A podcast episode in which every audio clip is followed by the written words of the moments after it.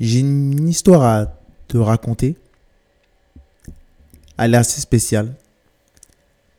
C'est juste qu'aujourd'hui, je viens de recevoir mon micro. J'étais tellement excité, tellement pressé d'enregistrer ce podcast. Que du coup, directement, directement, je l'ai branché et j'ai commencé à, faire ce podcast-là que, que tu es en train d'écouter. Mais ce que je veux que tu retiennes de tout ça, c'est c'est pas c'est pas cette petite histoire. Parce que dans tout ça il y a, y a, une morale.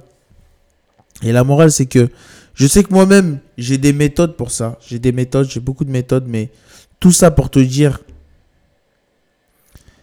qu'il faut rester organisé. Je dois préparer euh, un rendez-vous euh, client.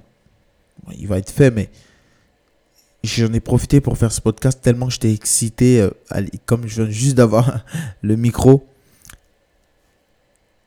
Donc tout simplement, voilà. Le mieux, c'est de, s'organiser tout le temps afin qu'il ne puisse pas t'arriver de, de choses comme celle-ci qui vient de m'arriver. Voilà, si tu as bien entendu le, le son de, de mon téléphone. Pour que tu puisses organiser ta journée, les choses que tu as à faire et ne pas c'est pas parce que une personne t'a appelé que tu dois arrêter ce que tu dois ce que tu devais faire dans la journée, des choses importantes. C'est pas parce que tu as eu une livraison de ta nouvelle palette de maquillage pour les filles ou euh, d'un nouveau jeu vidéo ou une nouvelle série qui est sortie, ça, ça, ça touche un peu tout le monde, que tu dois t'arrêter. Le mieux, c'est de terminer ce que tu as à faire et ensuite passer à, à la deuxième étape. Peut-être que là, tu pourrais, peut-être que là, j'aurais pu enregistrer ce podcast, mais justement, ça me fait plaisir parce que dans tout ça, il y a une morale. Et vaut mieux être organisé que désorganisé. Tu sais pourquoi? Parce que quand tu es désorganisé, tu perds du temps. Et quand tu es organisé, tu gagnes beaucoup plus de temps.